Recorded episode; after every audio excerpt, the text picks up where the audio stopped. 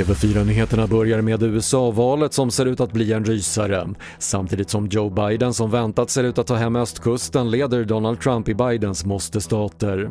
I viktiga Florida stängde vallokalerna klockan två svensk tid och du kan följa utvecklingen på TV4 Play.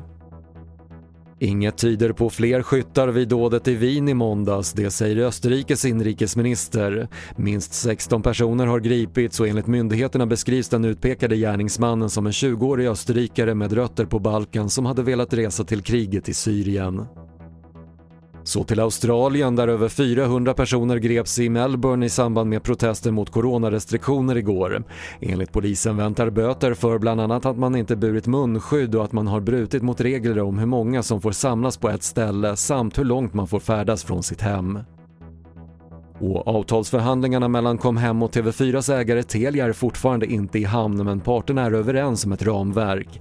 Det innebär att Comhem och Boxers 2,1 miljoner hushåll kan fortsätta att titta på TV4s kanaler och Simor som vanligt. Det var det senaste från TV4 Nyheterna. Jag heter Patrik Lindström.